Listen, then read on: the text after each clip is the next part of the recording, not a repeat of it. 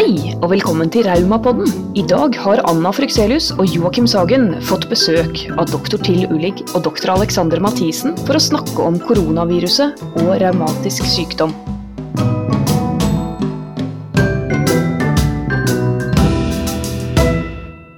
Vi er midt i en ganske merkelig vinter. Og det er ikke bare for oss raumatikere at det er en annerledes tid. Det er for eh, absolutt alle i stort sett hele verden, og i, i Norges land så er det en, en, annerledes vintertid vi er inne i. Nå fortsatt så er, eh, er det mye usikkerhet rundt akkurat revmatisk sykdom og covid-19. Og vi i Revmatikerforbundet opplever fortsatt å få mange spørsmål som, som handler om mye av det samme som, som, folk var usikre om på våren, men nå heldigvis så finnes det jo litt mer kunnskap. Altså, det har jo gått er det ni-ti måneder nå hvor denne sykdommen har vært i omløp og vært eh, dokumentert. Og det finnes rett og slett mer kunnskap i den anledning så er vi kjempeglade her i Raumapodden for å ha klart å lure med oss to kjempesmarte og erfarne leger som skal hjelpe oss å pakke ut en del eh, spørsmål rundt temaet covid-19 og revmatisk sykdom her i dag. Da vil jeg ønske velkommen til doktor Till Ulig og doktor Alexander Mathisen. Kan ikke dere introdusere dere kort til vi begynner med deg? Ja, Anna, det er hyggelig å være her. Mitt navn er Til Olich. Jeg er revmatolog. Og jeg jobber som eh, seksjonsoverlege på Nasjonal kompetansetjeneste for eh, revmatologisk rehabilitering, som ligger i divisjonen for eh, revmatologi og forskning ved Diakonhjemmet sykehus. Og så er jeg både forsker der og også pasientbehandler. Og så har jeg et professorat ved. Så du treffer pasienter sikkert stort sett hver dag, i hvert fall hver uke. Eh, revmatikere, også i denne perioden? Så jeg møter også de pasientene som kommer i COVID, eh, under covid-pandemien, og som har sine daglige spørsmål om dette. Nemlig. Hva med deg, Aleksander? Deg kjenner vi ikke så godt fra før. Nei, jeg er eh, lege i spesialisering på Diakonhjemmet sykehus. Vært der i en god del år nå. Eh, har en, eh, noen år fartstid på revmatologisk avdeling, men siste året så har jeg vært på medisinsk avdeling som del av spesialiseringen min. Og kom jo egentlig rett inn i koronatiden. Eh, og havnet også på infeksjonsmedisinsk avdeling eh, på sykehuset vårt. Så jeg har vært med å behandle flere av eh, koronapasientene som vi har hatt inneliggende. Og også vært med på en, en studie som Verdens helseorganisasjon eh, drev på Diakonhjemmet. Eh, blant annet. Altså, Diakonhjemmet var med på den studien. Mm. Nemlig. Tusen takk, så spennende. Og, og Joakim og jeg, vi har sittet på hjemmekontor eh, ganske lenge. Hvordan har det gått denne koronahøsten for deg, Joakim? Eh, jeg sammenligner koronahøsten med det å ha en eh, revmatisk sykdom, eller korona som helhet. Da. Det er, går veldig opp og ned. Det er liksom I mars-april så var det en skikkelig sånn svær en topp liksom, hvor det var krise. og så Mot sommeren så føltes det som at det lettet litt. og Spørsmålet forsvant, og man så at det var en bedre atmosfære. og Så eh, kom det jo tilbake igjen nå. Vi visste det jo, mange sa det jo, at det kommer en bølge nummer to. Men, eh, men eh, likevel så føltes det veldig vanskelig å motivere seg for en ny sånn, eh, kall det lockdown eh, light. da, Litt eh, verre her i Oslo og andre steder. så da i starten så sa jeg sånn dette her kommer til å gå bra. Hva er det folk skriker over? Det er liksom noen uker i karantene. Men når det kommer en runde nummer to, så er det, så er det tungt, altså. Å være så mye hjemme og jeg som har begynt i ny jobb på Diakonhjemmet og ja, Det er litt, eh, litt utfordrende, det må jeg, det må jeg, det må jeg si. Nemlig. Det, er, det, kjennes rett og slett ganske tungt. Det, det, tror jeg det er mange som kjenner på. Altså Når vi gikk inn i denne vinteren og det var så panikk og det var dugnad, og det, samtidig så var det liksom lysere tider når, når, alt dette her skjedde på våren, og det kjentes liksom som vi løfta sammen og alle skulle få dette til å funke. Men når, når folk snakket om da at ja, dette kommer til å vare i hvert fall et år og kanskje lenger, så, så var det helt uvirkelig for meg hvordan det, hvordan det, skulle se ut i livene våre. Men nå, nå er vi der, ikke sant. Det, det, har skjedd mye på denne tiden. Og, og, da vil jeg veldig gjerne høre litt, grann, Alexander, du, du, har satt deg mye inn i forskning på covid-19 og er også med på et, eh, et forskningsprosjekt med WHO som du fortalte om. Hva er det vi egentlig vet nå, som vi ikke visste i begynnelsen i februar-mars? Nei, det er, eh, I starten så, så, lurte vi jo på hvordan de med revmatisk sykdom eh, ville påvirkes av eh, korona. Og mm, vi vet jo for så vidt mer, vi vet en god del mer nå eh, om det. Og dessuten så har vi fått en god del erfaringer med det å stå på sykehus eh, med koronapasienter generelt. Så, så, vi opplevde jo den andre bølgen kanskje litt annerledes enn den første bølgen, eh, som helsepersonell også, da. Opplevde at man hadde litt mer kontroll der. eh, enn hva, enn hva, vi hadde i første runde. Mm. Mm. Dere hadde kanskje flere virkemidler og sånn. Eh, mm. Mer å ty til. Mm. Men jeg er litt overrasket egentlig over at uh, det er eh, en del av de spørsmålene som revmatikere hadde helt fra starten av, de, de, de, hører vi fortsatt. Sånn at mm. selv om dere på Diakonhjemmet har vært veldig tydelig ute med informasjon. Og, og vi i Revmatikerforbundet også har delt mye informasjon. Uh, I alle mulige forskjellige kanaler så er folk fortsatt veldig usikre på sånne litt sånn grunnleggende ting som er jeg i risikogruppen? Mm. Og, og, til det her vet jeg at du har, har, vært med å skrive veileder rundt og vet mye om. Kan ikke du fortelle litt om det? Er revmatikere i risikogruppen for mer? Ja. Det kan jeg godt gjøre. Jeg kan kanskje si litt om den veilederen som du nevner, Anna. Fordi vi opplevde jo i våres en, en stor forandring. Når det ble lockdown i mars, så fikk vi utrolig mange telefoner fra pasienter, fra for usikrede og fortvilte pasienter til poliklinikken. Og alle hadde spørsmål omkring dette. Så det var sykepleierne som fikk mange spørsmålene når de var på vakttelefon. Det var leger som fikk det under konsultasjonene. Og det, det, gjorde at vi ganske raskt måtte stille om driften. Det ene er jo at vi prøvde å unngå unødvendige konsultasjoner. At vi avbestilte. Vi brukte veldig mye tid å avbestille planlagte konsultasjoner i poliklinikken når de ikke var helt nødvendige. Og så var vi også veldig raske til å forsøke å gjennomføre konsultasjoner, men da ikke på sykehuset, men som videokonsultasjoner. Og Sykehuset vårt var kanskje en av de første som satte i gang dette vi var i arbeid allerede i forkant. Så da lyktes vi i løpet av mai eller eh, mars eller april til å gjennomføre videokonsultasjoner. Så vi tilpasset oss, og så etter hvert kunne vi i løpet av våren igjen ta imot flere pasienter. Men mange var for usikrete, og da satte vi raskt i gang med en såkalt veileder. Vi lagde en veileder til pasienter med revmatisk sykdom, og også til behandlere med revmatisk sykdom. Mm. Fordi det er jo veldig viktig at vi snakker med ett språk. Og denne veilederen den ble utgangspunktet laget med utgangspunkt i oss professorer på Diakonhjemmets sykehus. Så ble etter hvert involverte vi også professorene i revmatologi på Rikshospitalet. Og etter hvert er det blitt alle uh, professorer i Norge som har stilt seg bak den veilederen.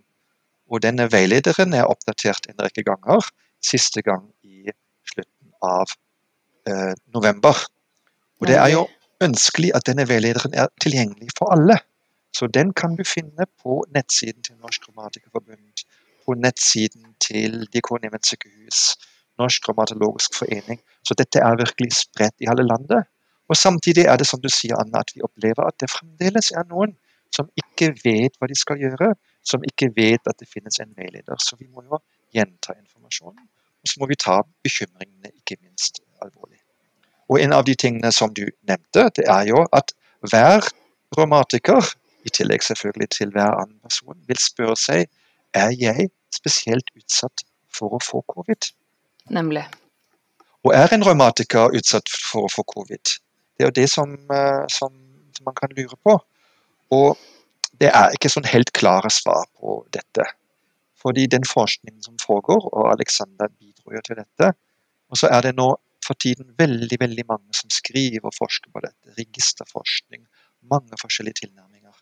Og Så langt så har vi en del rapporter som har undersøkt om revmatikere skulle ha økt risiko for å bli infisert med covid-19.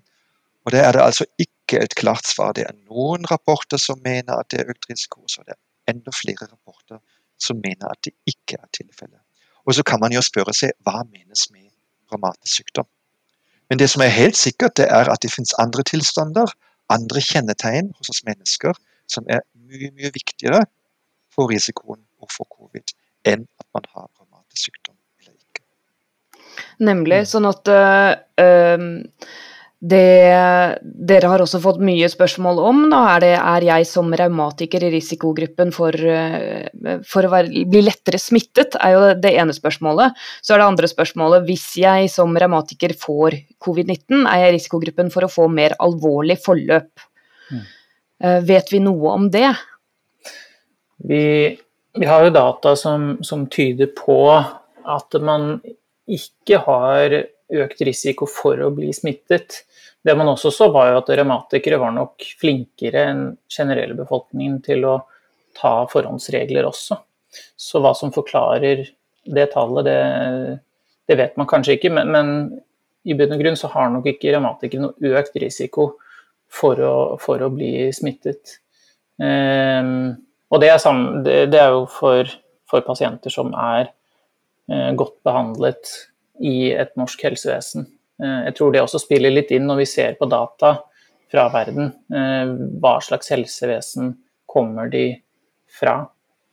Ehm, og når det gjelder risiko for mer alvorlig forløp, hvis, hvis en revmatiker får eh, korona, så er nok, nok, svaret på det at det, det kommer an på. Det er, det er flere faktorer som, som spiller inn. Um, så tall som vi har fra Norge nå og fra andre land, tyder på at spesielt høy alder er definitivt den viktigste risikofaktoren for et alvorlig sykdomsforløp. Og død, for så vidt også, mm. hos pasienter med covid-19. Og så er det underliggende sykdommer som, som, ser ut til å øke denne risikoen ytterligere. Eh, men det forskningen primært har pekt på til nå, det er eh, sykdommer som diabetes, Eh, hjerte-karsykdom, eh, kreft og kroniske eh, lunge-nyresykdommer. Og fedme også. Overvekt, ja. Den og, går igjen. Mm. Så det er gjerne det som er, er i, som stadig vekk i, i, de rapportene som kommer nå, fremme som, som risikofaktorer. Man, man, så på den første bølgen, altså de første månedene i Norge, at Eh, de med en revmatisk sykdom hadde en marginalt høyere risiko for å bli innlagt sammenlignet med en ellers frisk befolkning. Men, men det ser ut som dette tallet har gått ned nå i etterkant. Så per i dag så har vi ikke noe data fra Norge som tyder på en økt risiko for sykehusinnleggelse blant våre pasienter. Og sykehusinnleggelse er jo ett mål på alvorlighetsgrad når de blir oksygenkrevende under en, en slik infeksjon. Så, Nemlig. Mm. Så når du sier eh, marginalt, så, så det, det, så ut som det kanskje kunne være litt forskjell, at det var litt mer eh, risiko for at en revmatiker fikk alvorlig sykdomsforløp, men sånn det jevner seg ut nå over tid, så, mm. så, glatter det seg ut igjen på en måte. Så det kanskje ikke er noe høyere risiko, men det er alder, eh, overvekt, hjertekar, mm. eh, diabetes, var det disse. Mm. Eh, for det er jo mange revmatikere som har det òg. Ja, det er nettopp det. sånn at Hvis man spesielt hjerte-karsykdom eh, og, og, lungesykdom er de to som spesielt har pekt seg ut, så har man noen av de i tillegg, så har man nok en økt risiko for et mer eh, alvorlig forløp. Og bør være enda flinkere på å ta forhåndsregler. Hvis man er stort sett frisk fra tidligere, eh, ikke har noen andre komorbiditeter eller andre sykdommer, så så er man nok i ganske lik risiko som den øvrige befolkningen. altså.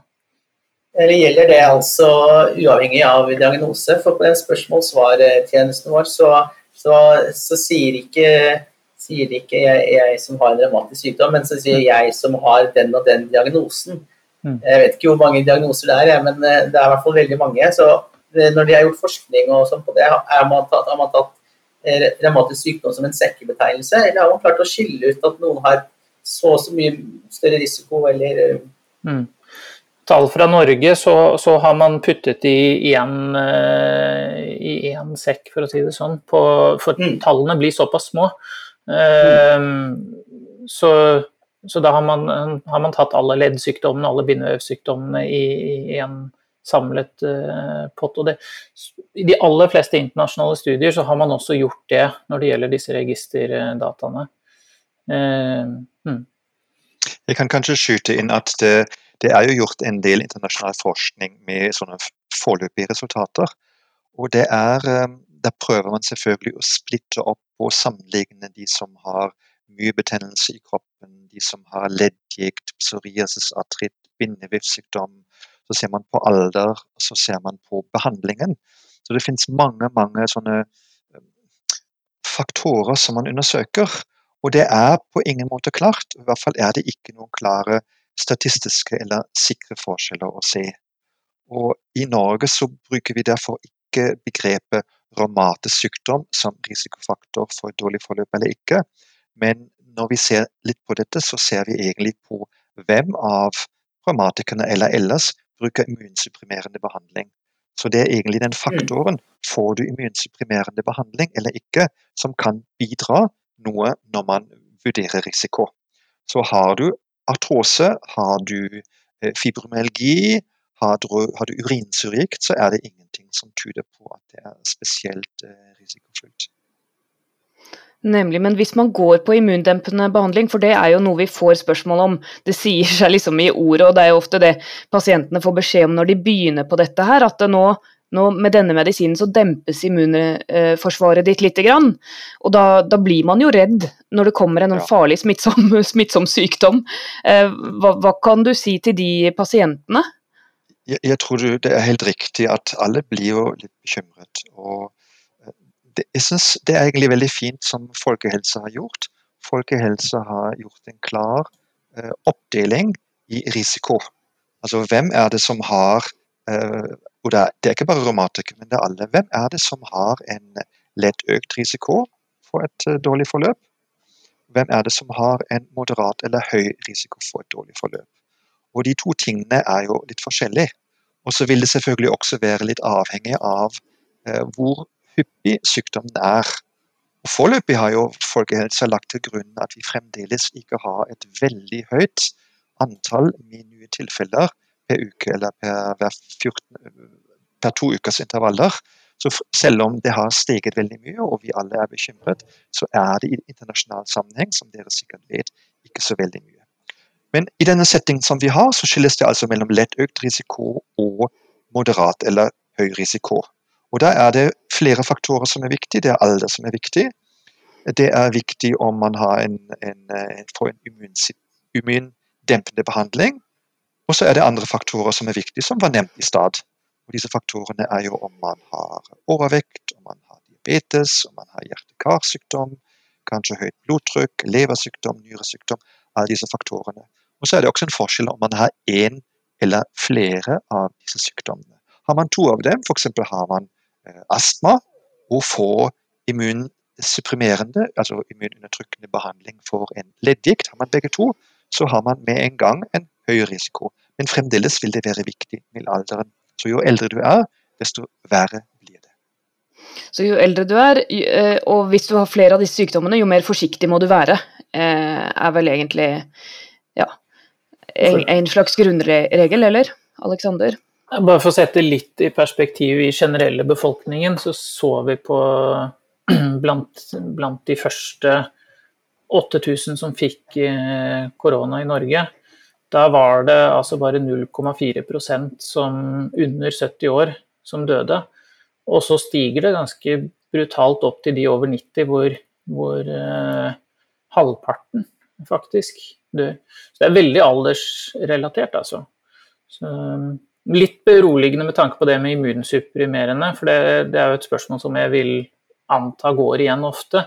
Et veldig mm. fint initiativ der. for det, det, å få nok informasjon eh, om revmatiske sykdommer, da må man ha store data. Så det var tre sykehus borti Boston som startet noe som heter Covid-19 Global Rheumatology Alliance. og Det er et spennende prosjekt hvor man oppfordrer revmatikere og deres leger til å rapportere om hvordan det går med eh, mm. enten deres pasienter eller eh, pasienten selv kan også rapportere hvordan det går når de har fått korona. Hva gjorde man under sykdommen, og hvordan endte det etterpå. Eh, så det har gitt oss en del kunnskap. De har begynt å publisere noen artikler der. Eh, og det man så fra de 600 første som, som ble registrert der, var at eh, det var ikke noe økt risiko for å legges inn på sykehus hvis man hadde eh, biologiske eller syntetiske DMARDs fra tidligere. Eh, og det inkluderte jakkhemmer også. Eh, Flott. Og også N-sides var tatt med i den undersøkelsen der. Det som derimot viste seg å være en risiko som jeg syns er litt spennende å se på, det er jo de som brukte prednisolon i en dose av 10 mg eller mer daglig. Og det er jo en pasientgruppe som, som ja, Enten så er de ikke godt behandlet, eller så er det eneste behandlingsalternativet man, man står igjen med de aller fleste reumat... Ja. Det er vel, det, ja, det er vel eh, altså Prednisolon 10 mg om dagen, er det en vanlig dosering for norske revmatikere, egentlig? Eller vanlig, jeg vet ikke om det. Er det, mange, til, er det, er det mange av dine pasienter som går på den dosen rundt omkring der? Litt, det er litt i overkant. Vi har jo undersøkt uh, den dosen som pasienter med leddgikt bruker uh, i uh, Metall i, i leddgiktregisteret i Oslo, som vi har uh, vedlikeholdt i, i mange år. Og så ser vi at det er ganske mange. Det er kanskje det, det var i hvert fall ca. 40% av de med leddgikt som brukte pasienter med leddgikt som brukte kortison. Men den mhm. vanligste dosen var 5 mg. Så var det noen færre som brukte 7,5 mg. Og så er det egentlig ganske få som da brukte 10 mg. Og det kan også være at de gjorde det midlertidig, fordi vi gjorde jo en tverrsnittsundersøkelse og spurte dem. Det kan hende at de var under nedtrapping også. Så det er litt egentlig litt mye til å stå fast på 10 mg prednison. Ja. Og da er vi jo inne på hele, hele denne eh, interessant, interessante temaet egentlig om eh, hvordan det er å være revmatiker i Norge i forhold til i andre land. For det virker jo som, sånn som den Global, Global Rheumatology Alliance, som er kjempespennende konsept eller prosjekt da, som vi i NRF også har, har, delt med våre medlemmer og prøvd å få folk til å delta i, eh, sier jo ganske mye om egentlig hvor stor forskjell det er eh, rundt omkring i verden på hvor, eh, hvor god tilgang revmatikere har på behandling. Da.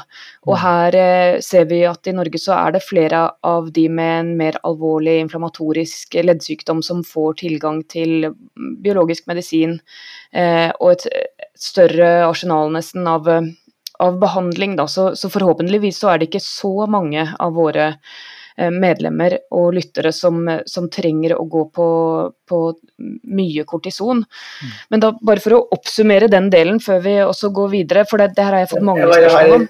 Jeg bare har et lite innspill. Jeg kom på at Vi burde ha en egen eh, podkast om medisiner og forskjeller. for Her blir det brukt veldig mye sånn immunsupprinerende og biologisk og NSIDES og penicillon. Og, eh, men så vidt jeg har forstått det, så er immunsupprimerende det samme som biologisk medisin, som mange så mange går på Embrell og Remicade og, mm. og, mange sånne ting. Mens Enside er mer en form for smertestillende.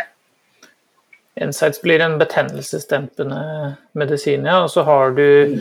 forskjellige typer av disse mm, immunmodulerende medisinene. Om de er eh, syntetiske, der har du plakinil og metotrexat f.eks. Og så har du de biologiske med litt forskjellige eh, virkningspunkter. Så, så, hvis ikke du ikke, ikke, vet det allerede der hjemme som godt nå, så får du finne ut uh, hva slags type medisin du tar. ja, det nemlig. Nå tenkte jeg å passe ballen videre til TIL. Kan du også svare på dette? Hvilke typer ja. medisiner vi snakker om egentlig? Ja, Vi snakker om immunsupprimerende medisiner. Men jeg hadde lyst til å fortelle en liten anekdote når du ja. snakker om tilgang til uh, behandling hos revmatolog. Den er jo uh, veldig god, eller relativt meget god i Norge. Og i dag er det en spesiell dag, fordi i dag Jeg hørte en podkast om et jubileum. I dag er det den tyske Raumaligaen og den tyske pasientorganisasjonen for uh, revmatiske sykdom, den såkalte Deutsche Raumaliga, som fyller uh, 50 år. Den ble stiftet Ja. den, den ble stiftet i 1970. Og da var det noen brukere som kom til orde ved den podkasten. Og det var, det var, jo helt forferdelig med barnelittgikt som ikke ble kjent, og så var det mange ortopeder som brukte noen få minutter per pasient. Men fremdeles er det slik i Tyskland at det kan være vanskelig å få tilgang til revmatolog. Det var en som kom til ordet som fortalte ja, jeg er egentlig litt sånn bekymret. Jeg lurer på om jeg har en form for uh, sånn ryggsykdom, Bechdrevs sykdom. Og nå har jeg endelig fått en time hos revmatolog, og den har jeg i april. Så det er ja, ja. veldig lang ventetid i Tyskland f.eks. Og i Norge er det jo mye, mye bedre. Tenk til eh, at i dag da feirer det tyske Raumaliga 50 år. Vet du hva vi feirer 15. mars nå 2021 i NRF? Ja, kanskje enda flere år. 70. Vi blir 70 wow. år. Så vi var nesten 20 år i Norge. Pasientene ved revmatologisk eh, avdeling på Oslo Sanitetsforenings sykehus 15. mars eh, reiste seg opp av sykesengene sine og sa vi er ikke helt enig i alt det disse de legene sier at vi skal ligge stille i sengene våre. Og så starta de pasientforening. Så det kommer en fest eh, når eh, denne pandemien er over. Jeg ville bare runde av for akkurat dette med ja, jeg må bare si én ting. Apropos, burs, apropos bursdager, så er Burg 40 år i år. Ja, vi feirer bursdager. Barne- og ungdomsrevmatikergruppa feirer 40 år i år, og det skal vi feire også i en egen podkastepisode. Eh, jo, vi, vi, må, vi, må, liksom eh, bare knytte i hop sekken rundt medisiner. For det, da, da, usikkerheten har vært veldig mye det sånn Jeg går på immunsupprimerende, og da er det stort sett snakk om biologiske legemidler. ikke sant, jakkhemmer osv. Um, og det er ikke i seg selv så vidt jeg forstår dere, Alexandra, til nå, det er ikke noe data, det er ikke masse Det er ikke noe bevis egentlig på at det utgjør en større risiko for å enten få eller bli mer alvorlig syk av covid-19. At du går på den typen medisiner. Nei, det er, det er ikke noen klare svar her, men det selvfølgelig sammenlignes det veldig mye. Og jo lenger tiden går, desto større materiale og muligheter for sammenligning vil vi ha. Det er også kommet noen noen studier eller noen evidens på som tyder på at behandling med TNF-hemmer kan være gunstig.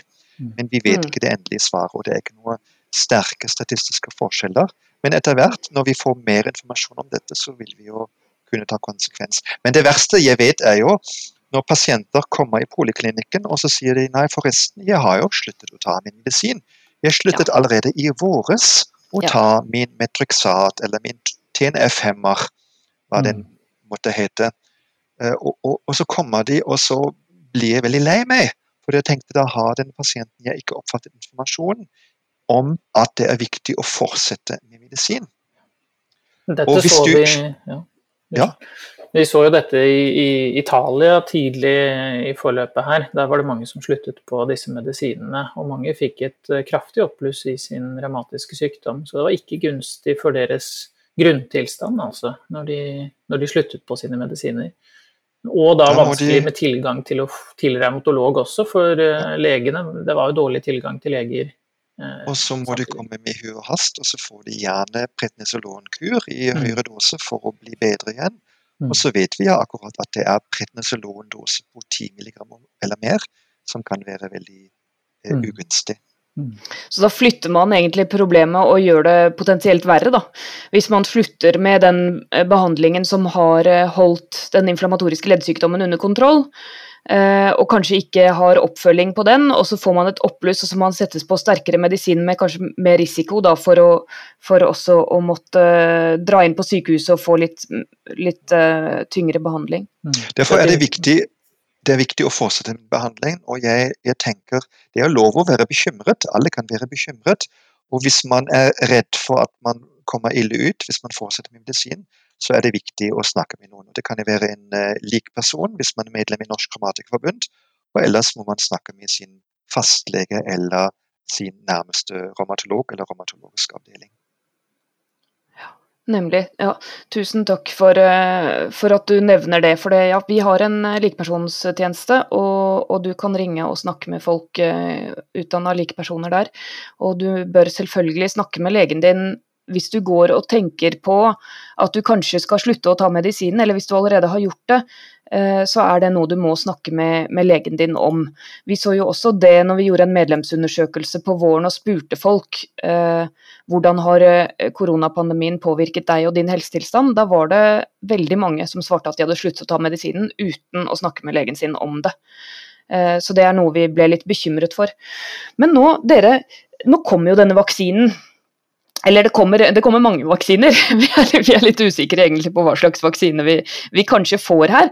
Og, og, og, da er det litt spørsmål så klart fra revmatikere også rundt dette, for det, snakkes om utrulling av vaksinen eh, og hvem som får hva, og vi vet ikke helt hvilken type vaksine vi får ennå. Men, men eh, mange revmatikere har blitt advart om at man ikke skal ta noe som heter levende vaksiner. Hva er en levende vaksine? Kan en av dere forklare det for oss? Ja, nå, jeg kan godt starte med dette. Levende vaksiner er jo vaksiner som inneholder eh, levende organismer. Og det man da vanligvis har gjort, at man har avsvekket dem noe. Men de kan påvirke, når du får en slik vaksine med en levende organisme, virus eller bakterier, så kan dette utløse en veldig sterk eh, reaksjon i kroppen, en overreaksjon, som kan føre til at den revmatiske sykdommen får et veldig sterkt oppbluss. Så det anbefaler vi ikke. Og Det typiske eksempelet for dette er gullfibervaksine. Hvor altså pasienter som har en inflammatorisk revmatisk sykdom, som får immunsupprimerende behandling med DMAT, de skal ikke få en levende vaksine alle disse spørsmålene om å bruke medisiner og ikke bruke medisiner, og, og risiko uh, her og der. Uh, vi er mange som er urolige. En annen ting som, som, mange er usikre på, er jo det hvis jeg blir syk, da, skal jeg slutte å ta medisinene mine da? Skal jeg ta en pause? Alexander, mm. hva vet vi om det? Der, vi, der, må vi rett og slett bare basere oss på de generelle anbefalingene som gjelder. Eh, så hvis man får feber eller andre symptomer på infeksjon, så anbefaler vi generelt å ta en pause i om det er metotrexat eller de biologiske medisinene eh, på én til to uker. Eh, lengre stopp i medisineringen på tre-fire uker og oppover, det øker jo risikoen for et oppbluss. Så, så, men så lenge man har infeksjon, så bør man pause med disse medisinene. Mm aktiv infeksjon, da bør du pause medisinene. Men sånn som vi sa helt i, i begynnelsen av samtalen her, så er en yngre revmatiker, altså som ikke har Som ikke er eh, i risikogruppen pga. alder eller overvekt eller hjerte-karsykdom, diabetes, mm. er egentlig ikke eh, Det er ikke så sannsynlig at det, man da får et mer alvorlig forløp av covid. Så, så, så klart skal man være forsiktig. Og mm. jo flere risikofaktorer du har, jo mer forsiktig skal du være. Mm. Hvis du får en infeksjon, så bør du ta en pause i medisinene som ved vanlige infeksjoner, og så komme tilbake mm. så fort som mulig. Da. Ja, vi tror nok at et, et balansert immunforsvar, eh, når man bruker disse medisinene, så har man et immunforsvar som ikke eh, går til angrep på eget vev, for å si det, si det sånn. Så hvis man har balansert immunforsvaret med disse medisinene, så er man jo også bedre rustet for å ta en infeksjon når den kommer. Så, så en, en, en, revmatisk sykdom som er ute av kontroll, da, for å si det sånn, en alvorlig tilstand som ikke er godt behandlet, er nok verre å få en hvilken som helst infeksjon eh, i en sånn situasjon enn når man har eh, medisinert seg. Så, så en klar oppfordring på å ikke stoppe medisinene fordi vi er i en pandemisituasjon. Mm. Nemlig. Og medisinene er jo en del av behandlingsregimet for revmatikere, og nesten like viktig for mange, enda viktigere enn de medisinene man tar, er jo den egne aktiviteten eh, og selvbehandlingen, der treningen er et viktig element. Mm. Til hva, hva, med treningen vår, hva kan vi gjøre, hva kan vi ikke gjøre nå? Trening er jo godt for oss alle, og jeg jobber jo selv på en eh, nasjonal kompetansetjeneste for revmatologisk rehabilitering hvor vi veldig sterkt promoterer trening. Og trening er noe som romantikere skal gjøre og skal fortsette med. Vi vet det er gunstig. Men, men, trening har jo forandret seg også.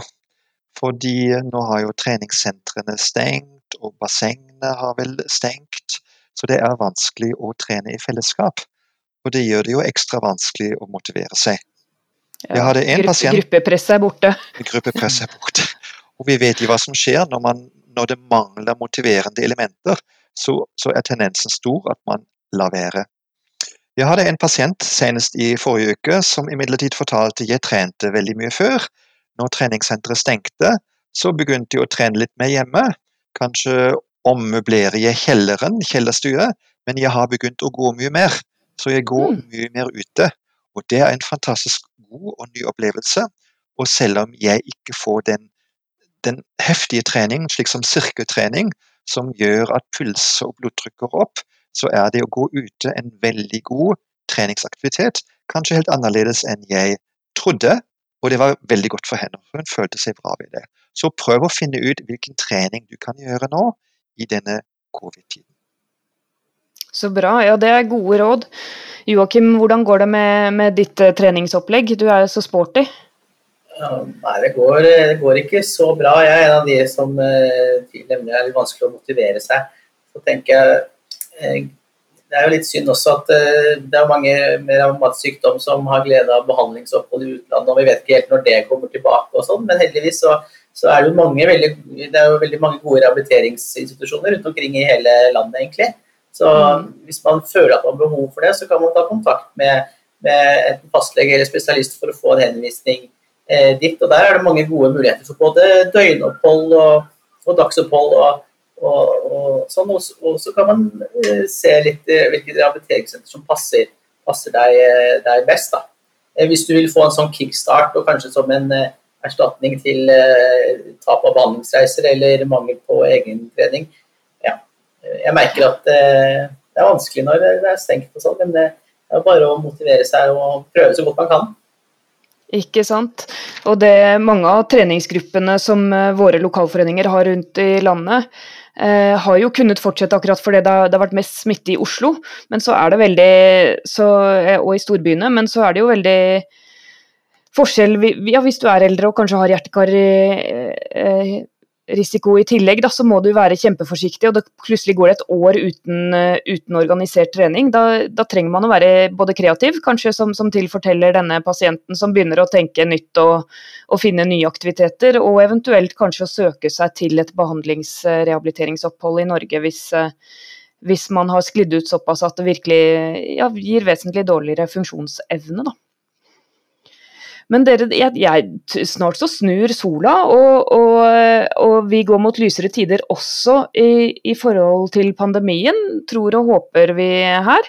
Eh, Jeg er møkklei av å sitte på hjemmekontor, for å være helt ærlig. Dette er første podkasten vi spiller inn eh, di- heldigitalt, hvor vi ikke treffer gjestene. Det er kjemperart.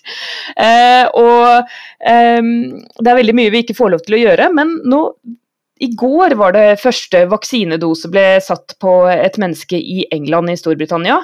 Og det er flere vaksiner som eh, har vist lovende resultater mot covid-19, som kanskje også etter hvert er på vei til å komme til Norge.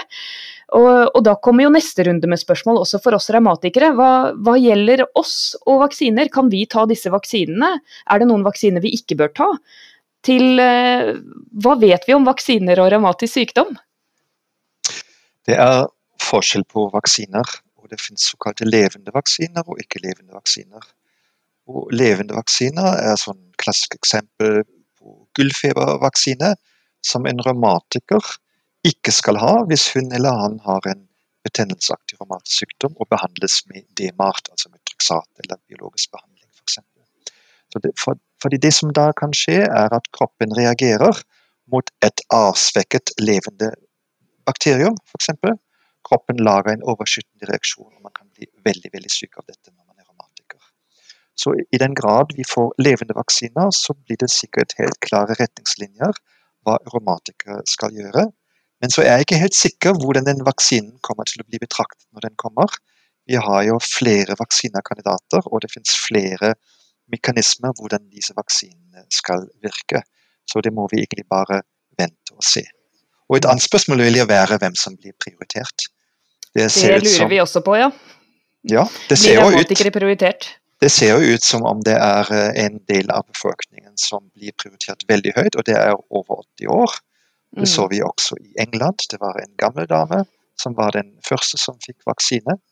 Og alder er det viktigste for risikoen. Mye, mye høyere enn revmatisk sykdom og lignende. Mm. Men så er det en gruppe pasienter i risikogruppen som vil også bli prioritert etter all sannsynlighet. Og denne gruppen kan faktisk være ganske, ganske, ganske stor. Og de beregningene som har sett, er i hvert fall fra kontinentet, er at det er en, en god del, kanskje 50 eller eh, fem, en femtedel, mener jeg, 20 eller 30-35 av befolkningen som da vil være i risikogruppen. Og hva som skal til at en revmatiker blir vaksinert og prioritert, det vet vi ikke ennå. Det er Folkehelseinstituttet som vil komme med anbefalinger for dette. Ja, det er rett og slett ikke publisert ennå, så det, så, ja, så det vet vi ikke.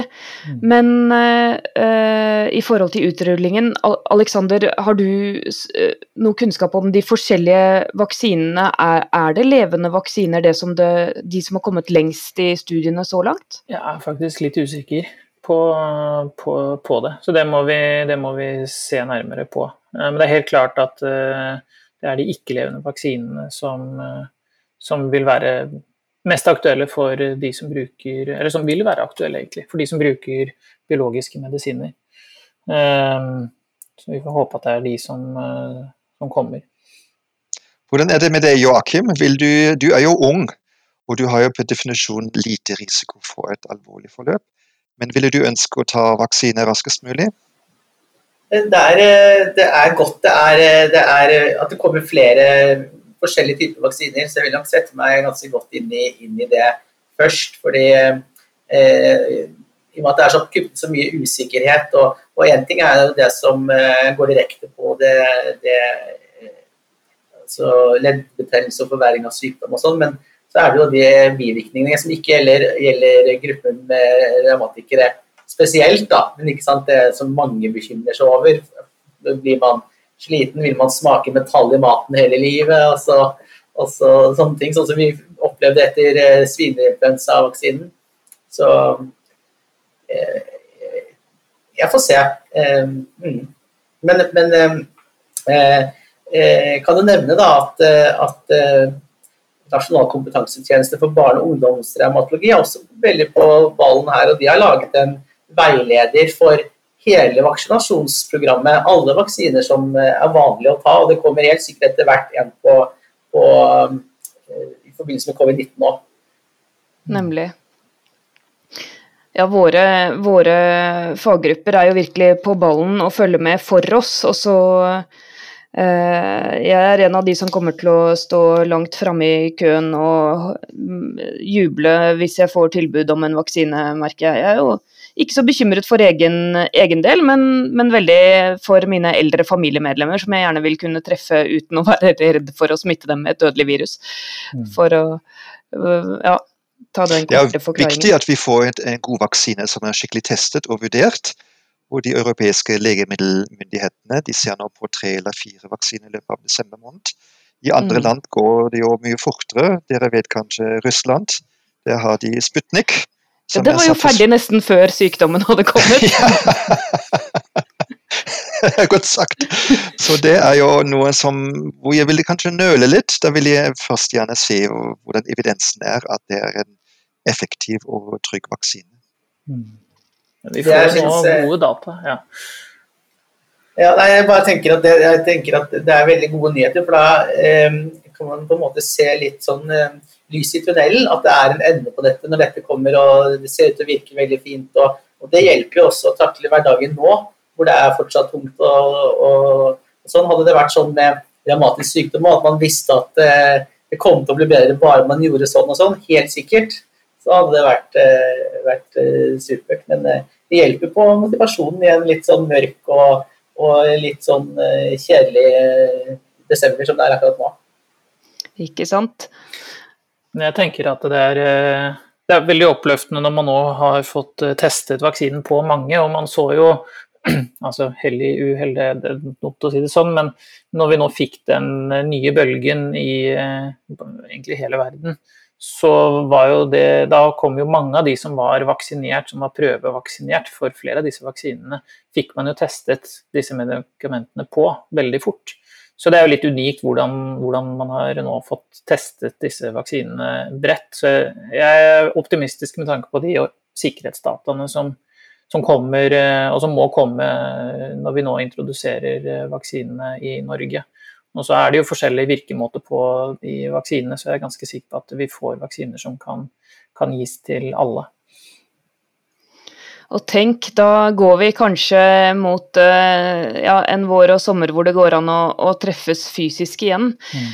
Det, dette har vært en kjempespennende samtale over eh, internett, da, hvor eh, jeg håper vi har fått dekket eh, ganske mange av de temaene folk er, er nysgjerrig på og vil vite mer om. Men i tillegg så kan jeg eh, tipse om at eh, vi har klart å få med til og Alexander også til å, å, være med og spille inn en film, hvor de snakker litt mer detaljert om disse te temaene. Og den kommer til å ligge på Revmatikerforbundets YouTube-kanal. Så hvis du vil eh, vite mer, og, og kanskje repetere noen, noe av denne kunnskapen, så, så, kan du også se den filmen. Joakim, hva tenker du? Det kommer også en film om eh, hvordan eh, takle situasjonen og mestringsstrategier psykisk. Det skal vi spille en film på, for I dag har vi snakket veldig mye om vaksiner, risiko, medisin, sånne ting, men hvordan takle dette mentalt eh, skal vi også ha fokus på NRF eh, videre. Kjempeviktig. Supert. Det, ja, det trenger vi alle sammen. Men da sier jeg tusen takk for at uh, dere kom hit til dette digitale lydstudioet i dag. Og så håper jeg alle får en frisk vinter. Hei da! Hold dere frisk. Takk for dag har vi snakket om koronaviruset og revmatisk sykdom i Raumapodden. Denne episoden ble spilt inn 8.12.2020. Ting kan endre seg fort, men vi håper at du holder deg frisk til denne pandemien er over.